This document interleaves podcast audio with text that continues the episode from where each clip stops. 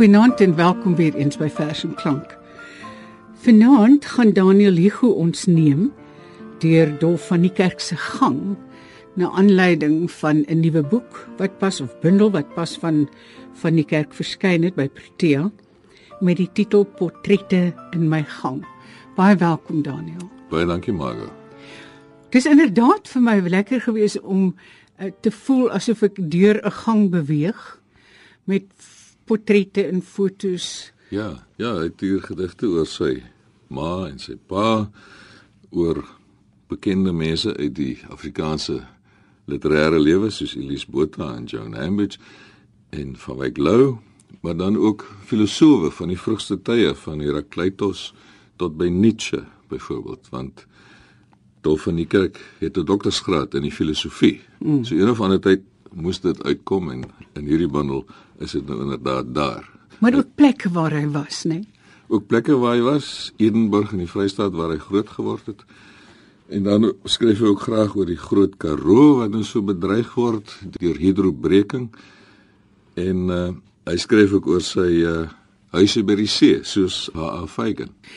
Dit is 'n lekker bundel, um, meestal lekker toeganklik, Daniel. Ek weet dit is vir my moeiliker om baie gedigte te verstaan en of te lees as wat dit vir jou is. Maar ek vind dit tog toeganklik. Soms 'n ja. bietjie dig geskryf, moet ek sê. Nee, dit is beslis toeganklik selfs al verwys dit dikwels na filosowe mm. en hulle diepsinnige gedagtes, maar hy kan dit op baie toeganklike wyse verwoord. Watter gedigte gaan ons lees? Waarmee gaan ons begin? Met uh, die gedig Mastos, dit mm. handel oor sy moeder. Op die voorblad van die bundel is daar ook 'n portret van haar en hy beskryf eintlik hierdie portret. Die bundel is ook opgedra aan haar, Johanna Elisabeth van die Kerk 1897 tot 1929. So sy was dus maar 32 toe sy oorlede is en sy is oorlede by sy geboorte. Dolf ja. van die Kerk is gebore in 1929. Hy is dus vanjaar 86. Goed dan die gedig Mastos, dit is die Grieks vir die vroue bors. Vergulde bronsraam ovaal, gepatineer. Agter gebooglas die bolyf van 'n vrou in somerbloes, oop voorkop onder sober swart kapsel. Alkante in kleiner rame, twee kinders, haar skenking aan die lewe. Voortydig afgesny dat sy onbekend vir my moes bly. Verskyn verbeeld in prosa en poesie. Woorde word gees, gesig, hande, borste en oë. Op laas litanie vir die onsterflike onvoltooid. Dis baie aangrypend, nê? Nee. Dit is met ander woorde sy ma is vir hom onsterflik omdat sy onvoltooid is omdat sy nie haar lewe kon voltooi nie en hy het haar ook nooit geken nie. Ja. En dan daarmee saam wil ek lees die gedig oor sy pa verhuising. Sy pa was daar op Edenburg 'n kleremaker gewees. Verhuising. Julienag, broos van ryp en koue, stil genoeg om die laaste sluk te hoor, asem aan die groot stilte te gee. Ons twee en die emfiseem, geplant in nat nagte agter lammerskaap tot longversteuning deur kruit en stof in sy kleremakery. Gestut deur kussings vir asem in die 5de jaar van sterwe. Vinger bewe wys. Ek vroetel in 'n kussie. Hy knik tot ek die foto voor hom hou. Dis sy. Te vroeg vir hom en my gesterf my hande vir oulaas om sy lyf. Twee verlangens kruis op laas hmm. jy het nou nog niks gesê oor die feit dat hy eh, 'n uh, man van die grond was nie nê ja hy was 'n man van die grond behalwe dat hy nou doktorsgraad in die filosofie gehad het het hy eintlik die grootste deel van sy lewe gewerk vir die departement landbou vir landbou tegniese dienste by die inligtingafdeling so hy was baie lief vir die grond vir die aarde en daarom is hy ook baie bekommerd oor die verwoesting van die aarde. En dan veral wat in die Groot Karoo moontlik kan gebeur, naamlik die hidrobreking. En daaroor skryf hy in die gedig Tablet. Boodskap uit voortydse Karoo waar niemand was om tye en jare om te sit. Versteende lava tussen skalie. Op blougrys klip 'n varingblaar fyn afgedruk. Kunswerk van die onbekende kunstenaar. Tel ek dit teen 'n berghang op waar dassie skarrel voor Witkruis Arend se skaduwee. Laat my die boodskap reg verstaan. Laat Opperman se droë dissel rol. Gondwana land sy siel uitstort dat taal van die faring uit skepingstyd nie Karoo se grafskrif word. Nou, dit is 'n kenmerk van hierdie bundel van Dolf van die Kerk, portrette in my gang, dat hy dikwels verwys na Afrikaanse digters. In hierdie gedig is daar twee verwysings. Die eerste een is na Elisabeth Eybers, laat my die boodskap reg verstaan. Dit is na Elisabeth Eybers se gedig Maria. Miskien is dit 'n onbewuste verwysing, maar die volgende een is baie bewustelik na die opperman. Laat opperman se droë dissel rol. Dit is 'n verwysing na opperman se gedig Gebed om die gebeente wat so begin. Heer, waar u noordewind die droë dissel rol en oor die skurwe brakland jag van Afrika.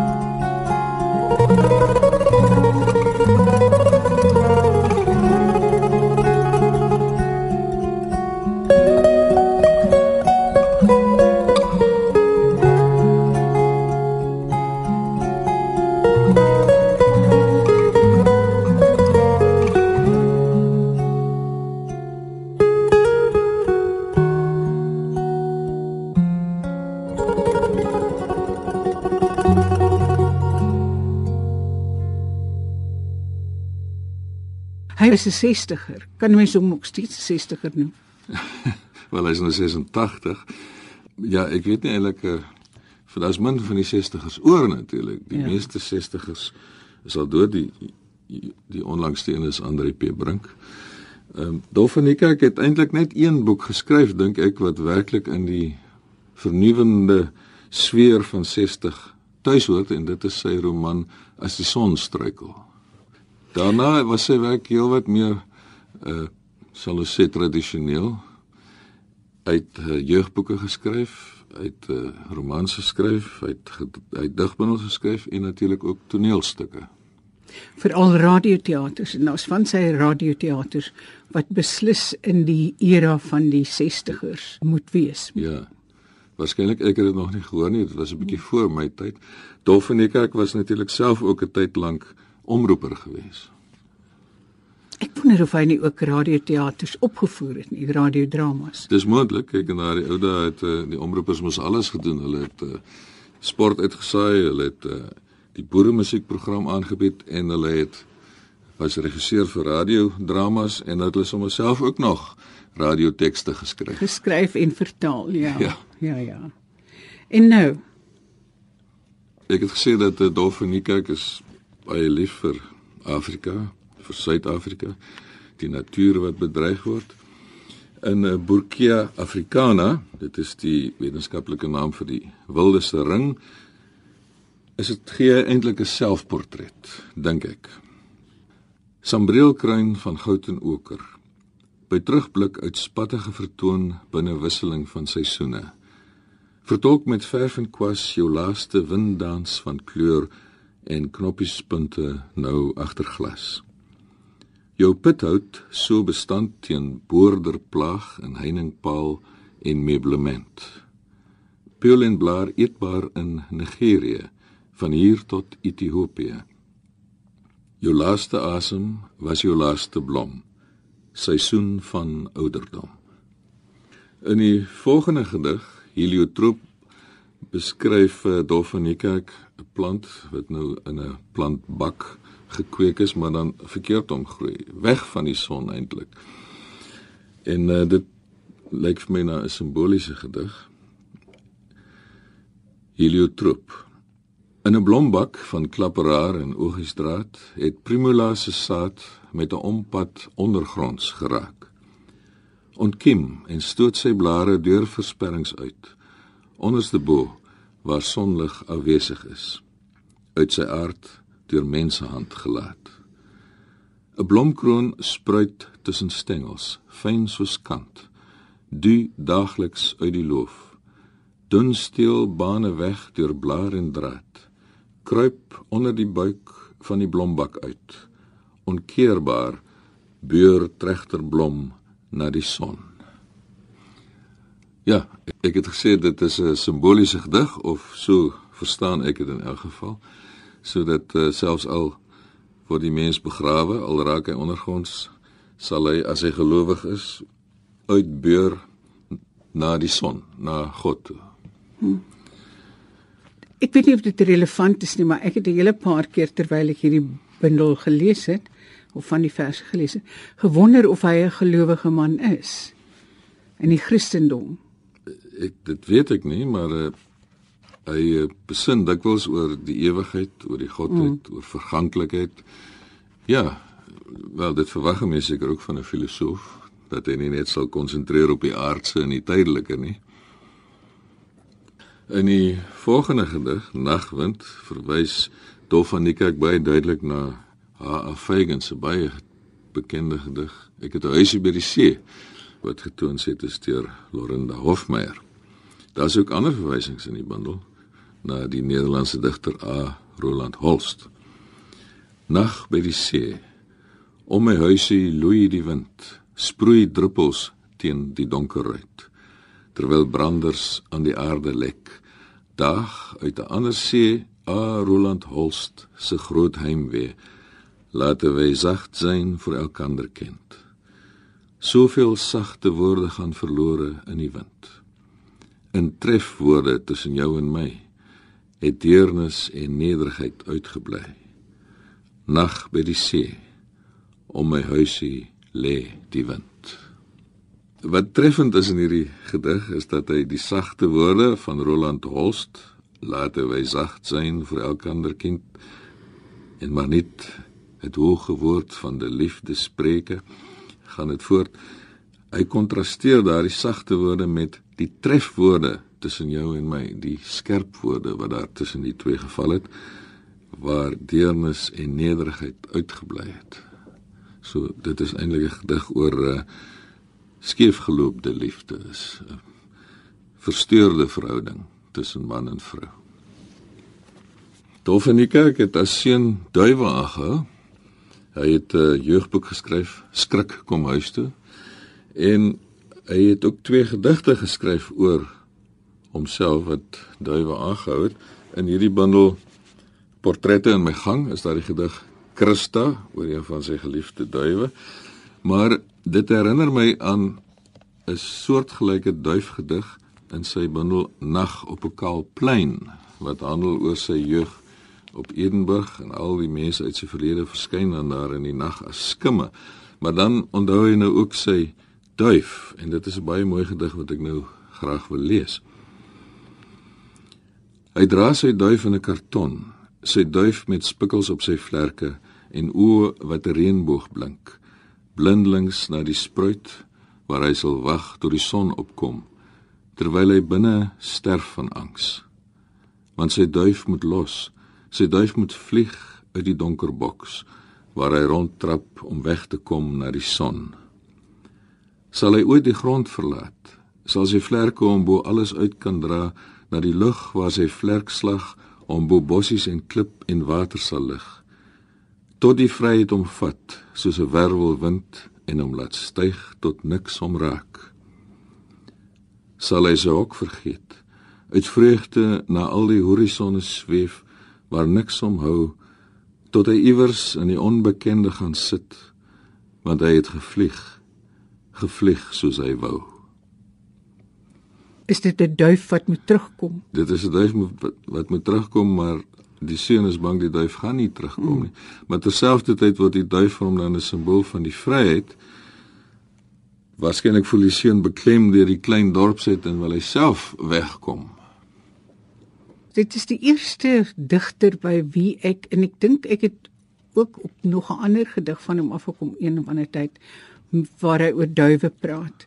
Dis die eerste digter wat duwe besing. Dis so prosaïese voel. So Ja, Duwe Kramer het 'n baie mooi liedjie oor 'n uh, duifboer wat kyk nou hoe sy duwe sirkel teen die blou Christian Swart. O boekan die stasie daar woon Christian Swart. Tussen die spoorweg en die nasionale pad op die muur van sy stoep aan die hoorings van 'n bok. En sy agterplaas groei 'n perskeboom langs 'n groot ou dewe hok. Op daai dewe is hy trots. Hulle maak sy hart so bly van die silwer beekers op sy pel met staan so in 'n ry. Ja, hy is Christian Swart. Hy's 'n wetensheid geken vir sy dewe wat so vanaand vlieg en pryse vir hom wen.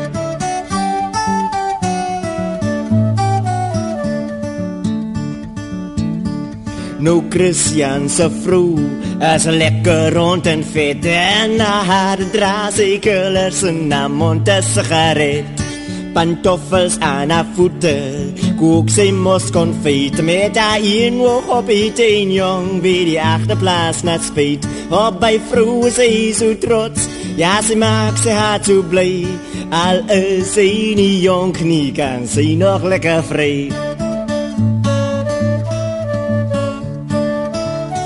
ja sy is wel minna swart Hulle ken haar weten syd vir haar melktert en bolletjies haar beroemde boer beskeid.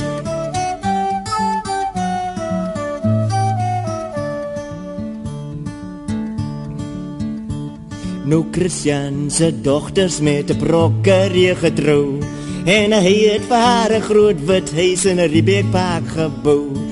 En die kachel in die sitkamer is mooi met klipversier. En 'n skildery van die tafelberg hang ook uit in die muur. Op die dogter is sy trots, sy maak sy hart so bly Alles sê nie mooi nie, het sy haar man gekry. Ja, sy is Johanna Swart Sy is die vrou van die prokureur en alle pies en afvinge naas is dieselfde bloedrooi kleur.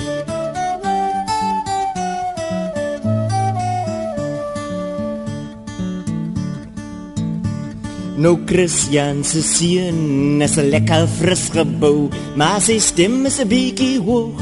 Sy broek is 'n bietjie nou. Sy hare dra hy lank en hy speel ook die gitaar.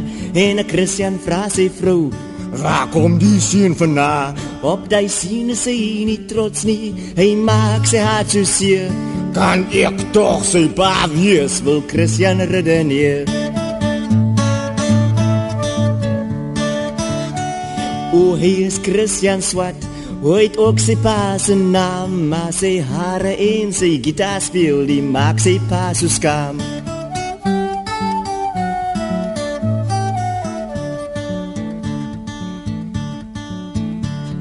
Boekan die stasie, daar woon die swart gesin. En 'n Christian drink net brandewyn, wil Mina drink net gin. Hulle sit daar op die stoep, en die skieme lig so flou, en hulle kyk hoe vlieg die duwe, sirkels in die blou.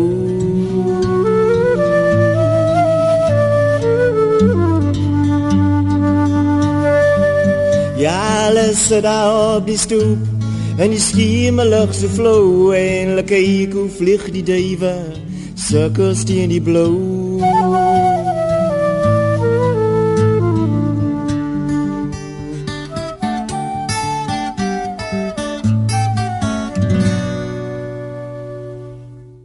Die laaste gedig wat ek wil lees uit Dolf van die Kerk se bundel Portrette in my gang het ook die titel Laaste woord. Boaardse wind uit oersee waai deur my lyf dat ek deursigtig voor my spieël vel en pes van jare moet verduur. Ek soek agter ou oë en ribbekas nog jeug wil met albatrosse vlieg na stormwaters van die gees en duik in gevaarlike getye van denke en dade nou dat die liggaam so maklik meegee.